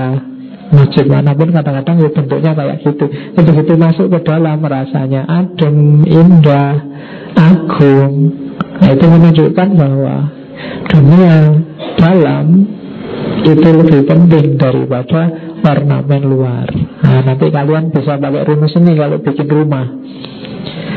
Saya dari luar kelihatan biasa-biasa aja Pak. Tapi dalamnya Ya kalau ada uang saja bisa begitu Kalau tidak ada uang Orang yang punya uang kan bisa macam-macam. Cuma logikanya jangan dibalik Kan ada orang itu yang ingin menghias dalamnya saja. Eh, Luarnya saja. Dari luar kelihatan. Luar biasa begitu masuk ke dalam Sumpek. Yang punya rumah saja sumpek. Nah itu bunuh diri yang bikin rumah. Karena mengenakkan orang yang lihat Tapi dia sendiri tidak nyaman. Jadi logika sederhana sebenarnya ini. Tapi ada maknanya yang dalam. Nah itu khas seni ruang dalam Islam. Terus Ini seni suara Ini yang sering kontroversial. Ada yang pro Ada yang kontra. Para ulama macam-macam pendapatnya. Ada yang bilang seni suara termasuk alat musik itu haram. Ada yang bilang tidak bisa kok diputus haram begitu saja. Dilihat posisi dan fungsinya Kalau dia malahi Malahi itu alat yang membuat terlena Kalau dia malahi Ya dia harusnya haram membuat kita semakin jauh dari Allah, membuat kita terlena. Tapi kalau dia justru membuat kita semakin ingat Allah, semakin dekat Allah, ya tidak haram. Kalau hanya untuk iseng, ada yang bilang itu ya mubah atau makro. Para ulama debat ini. Biasanya kuncinya ada di malahinya Malahinya itu sejauh mana alat-alat dan seni ini membuat kita semakin dekat atau malah menjauh dari Allah Ya kalian sendiri yang bisa ngukur Oke.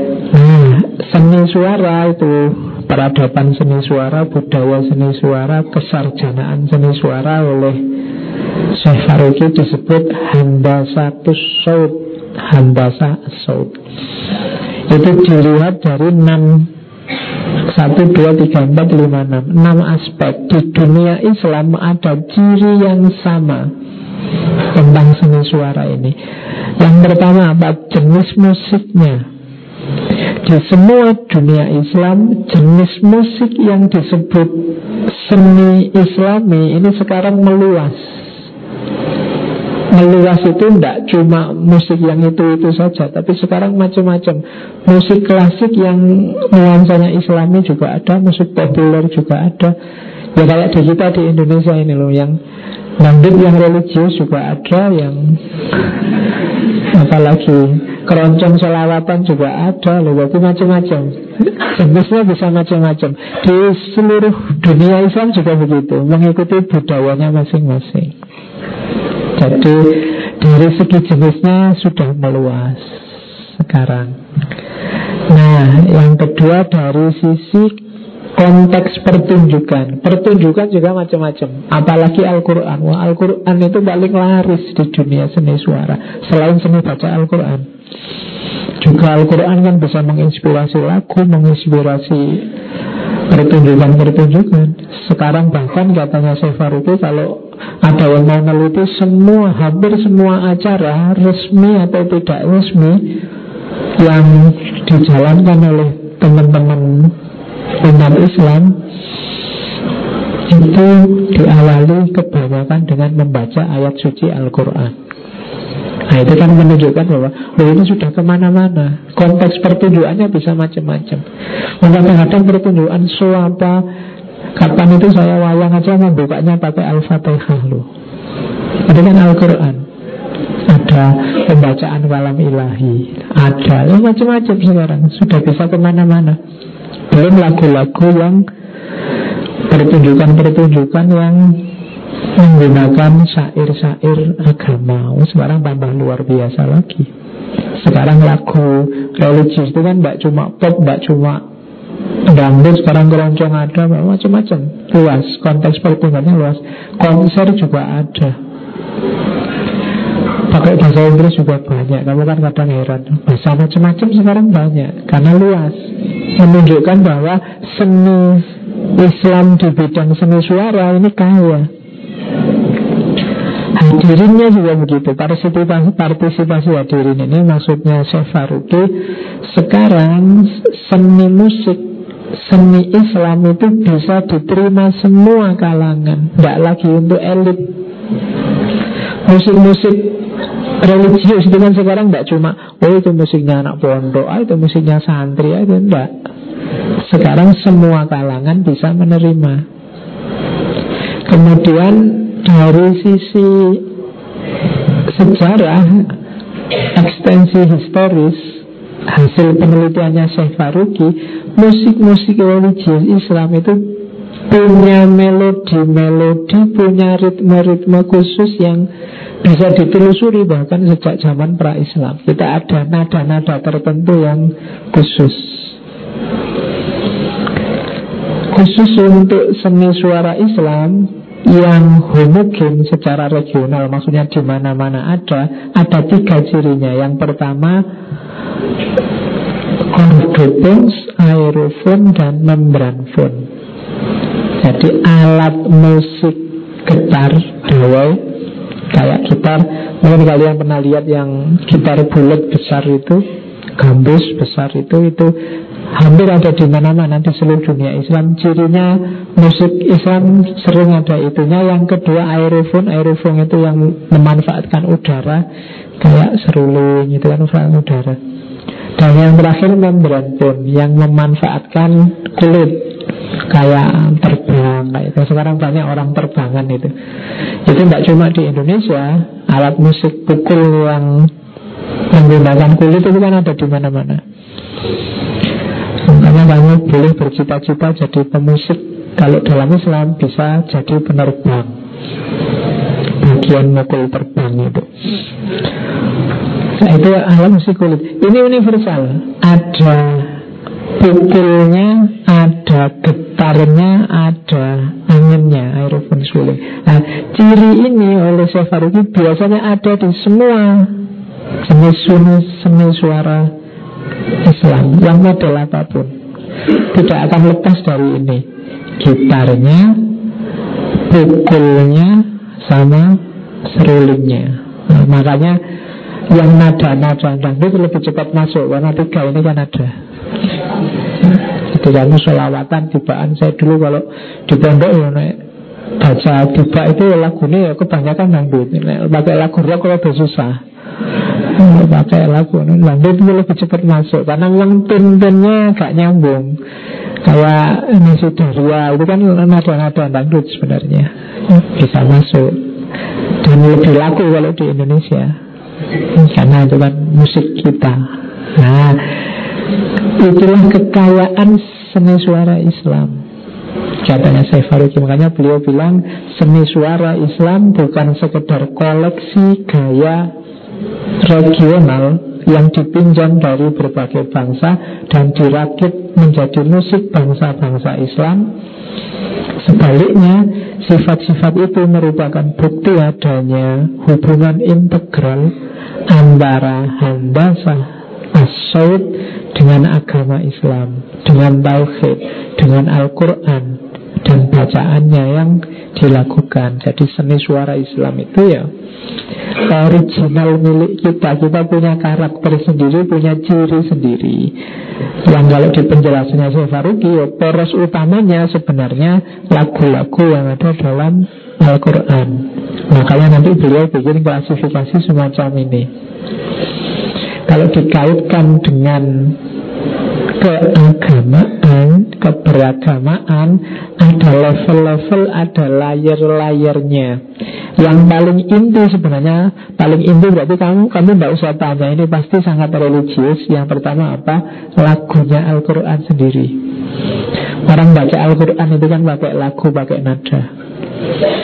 Ya termasuk ada yang tuntun model dialek Arab, ada yang dialek Jawa yang kemarin rame itu Itu sebenarnya tidak masalah Itu tergolong lagu Al-Quran. Yang penting kan Al-Quran yang diucapkan Dengan tajwidnya, makhrajnya. Nah itu paling inti. Kalau ini seni suara paling religius nggak usah dipertanyakan lagi ya mesti aja religius. Ada lagi level 2 Adan Talbiyah Salawat Ini kan dilakukan juga Meskipun bukan Al-Quran Adan itu kan ada lagunya. Kecuali kamu tidak bisa adan Terpaksa adan. Itu menyakiti umat Islam di sekelilingnya. Ya. Jadi Kalau tidak niat adan itu Saya dulu punya teman KKN Disuruh adan. Dan dia sepanjang hidup tidak pernah adan. Terpaksa Saking groginya Harusnya yang keluar pertama Allahu Akbar Yang keluar pertama adalah Bismillah. Jadi Dia mau Bismillah Dikeraskan, dilakukan Saking groginya ya. Makanya kamu harus siap dengan momen-momen seperti itu ya. Coba kaget Nih mami Kemudian ada Itu mungkin tiba-tiba kamu ditodong Monggo mas itu. Ya harus siap Kalau memang tidak ada siapa lagi Yang imami siapa lagi yang ada Jangan cuma imami Beraninya cuma zuhur sama asar. Ya Ya itu nanti begitu disuruh imam maghrib terus tanya sama jamaahnya ini kalau kulhu semua tidak apa-apa toh Iya, ya tidak apa-apa. Oke, talbiah juga begitu. Kalau mau ngaji itu kan talbiah ada lagunya, ada nadanya. Solawat juga ada lagunya. Tidak pakai nada juga boleh. Adan itu tidak pakai nada juga sah-sah saja. Cuma kan kurang indah. Ya, kita umat Islam kan mencintai keindahan. Inna Allah jamilun yuhibbul jamal. Oke, terus itu layer 2, level 2 Masih religius, tidak masalah Kadang-kadang ada improvisasi Apakah itu improvisasi dengan nambah instrumen dan vokal Selawat misalnya kadang ditambahi iringan instrumen Atau vokalnya yang lagunya yang dipakai Mungkin pakai suara satu, suara dua itu kan improvisasi. Saya lihat ada sekarang adan itu yang duet sudah mulai. Ya, cuma belum ada adan yang pakai instrumen ya. Nanti rame lagi, tak boleh. Ya, jangan-jangan habis Allah, Akbar terus jeng-jeng-jeng gitu. Ya. Tapi itu bisa membuat orang datang ke masjid loh itu. Ya. Kamu nanti cemara orang sekampung. Nanti ada, ya kayak selawatan itu kan ada. Nah, yang kayak gini level 3 Jadi kontennya konten-konten religius cuma ditambahi improvisasi pakai alat pakai suara-suara yang dikombinasi macam-macam. Ada lagi level selanjutnya. Jadi semakin levelnya keluar semakin dalam tanda petik ya religiositasnya agak berkurang. Lagu-lagu ini sudah lagu ini kalau sudah bukan lagi untuk ritual untuk ibadah. Tapi temanya tema agama. Jadi ini ya kayak nasyid, gazal kalau di Indonesia ya mungkin musik-musik kayak nasi daria, bawa sopes opek, kayak lain sekarang banyak. Nah, itu level 4 Alhamdulillah temanya masih tema religius. Yang paling luar itu ya Iya pakai alat, pakai suara, temanya juga bukan tema religius lagi. Ini ini murni yang dikejar hanya keindahan. Muatan religiusnya sudah tidak ada. Yang ke semakin keluar harus agak semakin hati-hati biar tidak jatuh pada malahi tadi. Tidak jatuh membuat kita semakin jauh sama Allah. Usahakan bisa mendukung kita semakin dekat dengan Allah atau meringankan kita untuk semakin dekat dengan Allah. Nah itu rumusnya itu di antara model Allah dan kreativitas seni suara. Nah di dunia Islam macam-macam perbedaan seni suara itu menurut analisisnya Syekh Faruqi ditentukan biasanya dipengaruhi oleh empat aspek ini yang pertama kedekatan dengan pusat kelahirannya Islam dulu daerah Timur Tengah. Yang kedua pengaruh budaya lokal masing-masing. Jadi yang Indonesia mungkin yang Jawa mungkin ada pengaruh-pengaruh Jawanya. Sehingga kemarin muncul ada ngaji lambang Jawa, kemudian ada intonasi mungkin kamu suaramu sangat medok sangat Jawa itu kan ya kalau memang sudah lokalnya begitu. Teman-teman di Jawa kadang-kadang kan juga susah. Karena lidahnya kadang mau alaihim itu yang nyalaihim kalau secara tidak sadar begitu keluar keluarnya nyalaihim bukan berarti terus dia sengaja ingin dari alaihim diganti nyalaihim tapi ini urusan lidah memang. Kalau pas hati-hati bisa ngalauhin Tapi begitu ngajinya Tidak sadar keluarnya ngalauhin lagi. Ya tapi Itu dialek agak, agak susah. Sama kayak orang Mesir ngomong Jin jadi jin. Ya Itu sudah lidahnya. Jadi kadang-kadang kalau pas waspada hati-hati benar jin ya jin ain ya ain. Tapi begitu ngomong-ngomong biasa tuh ngaji sudah lama lancar tiba-tiba ngalauhin di kampung saya kadang-kadang gitu sudah ngimami itu sudah asik-asik wah itu nanggupi ngalaihim wah coba jangan dimarah itu dialeknya. Memang begitu lidahnya memang konstruksinya begitu. Ya kayak kalian kalau jajal ngomong Inggris kan ya tidak karu-karuan. Jangan dimarah yang itu dialog lidahnya. Saya juga kalau ngomong Inggris kan banyak yang bilang medok sekali pak. Ya Alhamdulillah berarti asli Jawa ya. Identitasnya tidak hilang meskipun belajar bahasa Inggris. Yang orang Inggris juga kalau ngomong Jawa kan juga mesti jungkir balik. Mungkin Superman jadi Superman. Ya karena memang lidahnya. Iya tidak apa-apa kamu nggak perlu bingung. Gak perlu minder karena itu. Kemudian juga proses islamisasi itu juga berpengaruh. Kemudian pengalaman beragama juga berpengaruh. Ini sumber-sumber perbedaan ekspresi seni Islamnya. Jadi itu yang disampaikan oleh Syekh Faruqi. Jadi intinya adalah kita punya peradaban estetik, peradaban seni yang luar biasa di banyak bidang. Islam itu sudah indah, ayo kita ekspresikan secara indah, kita sampaikan secara indah, biar sempurna keindahannya. Jangan yang isinya indah ini terus rusak karena kita menyampaikannya, mengekspresikannya tidak indah. Medianya banyak. Tadi kan mulai sastra Seni tulis, seni ukir kaligrafi, seni suara, seni tata ruang. Jadi para ulama sampai sedetil itu. Kita mengalami yang semacam ini dulu diinspirasi banyak oleh para wali Bagaimana para wali itu dengan ekspresi seninya menarik orang untuk masuk Islam. Dengan wayang misalnya, oh, orang Jawa suka wayang toh, yuk terus latihan dalam terus dalang. Pakai gending, pakai ini kan ekspresi estetik. Bungkusnya seni tapi isinya tauhid, isinya agama, isinya Islam. Itulah yang terjadi sepanjang sejarah Islam. Makanya jangan kita rusak Islam kita ini dengan ekspresi-ekspresi yang tidak indah.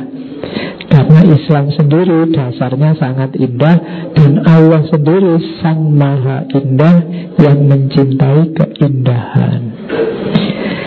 Eh, saya kira itu untuk malam ini sekedar pengantar ke gagasan seni tauhid Syekh Ismail Roji Al-Faruqi. Minggu depan kita lebih sufistik membahas estetik dengan Sayyid Hussein Nasr. Oke, saya akhiri sekian. Kurang lebihnya mohon maaf. Wallahu muwafiq. Wallahu a'lam bisawab. Wassalamualaikum warahmatullahi wabarakatuh.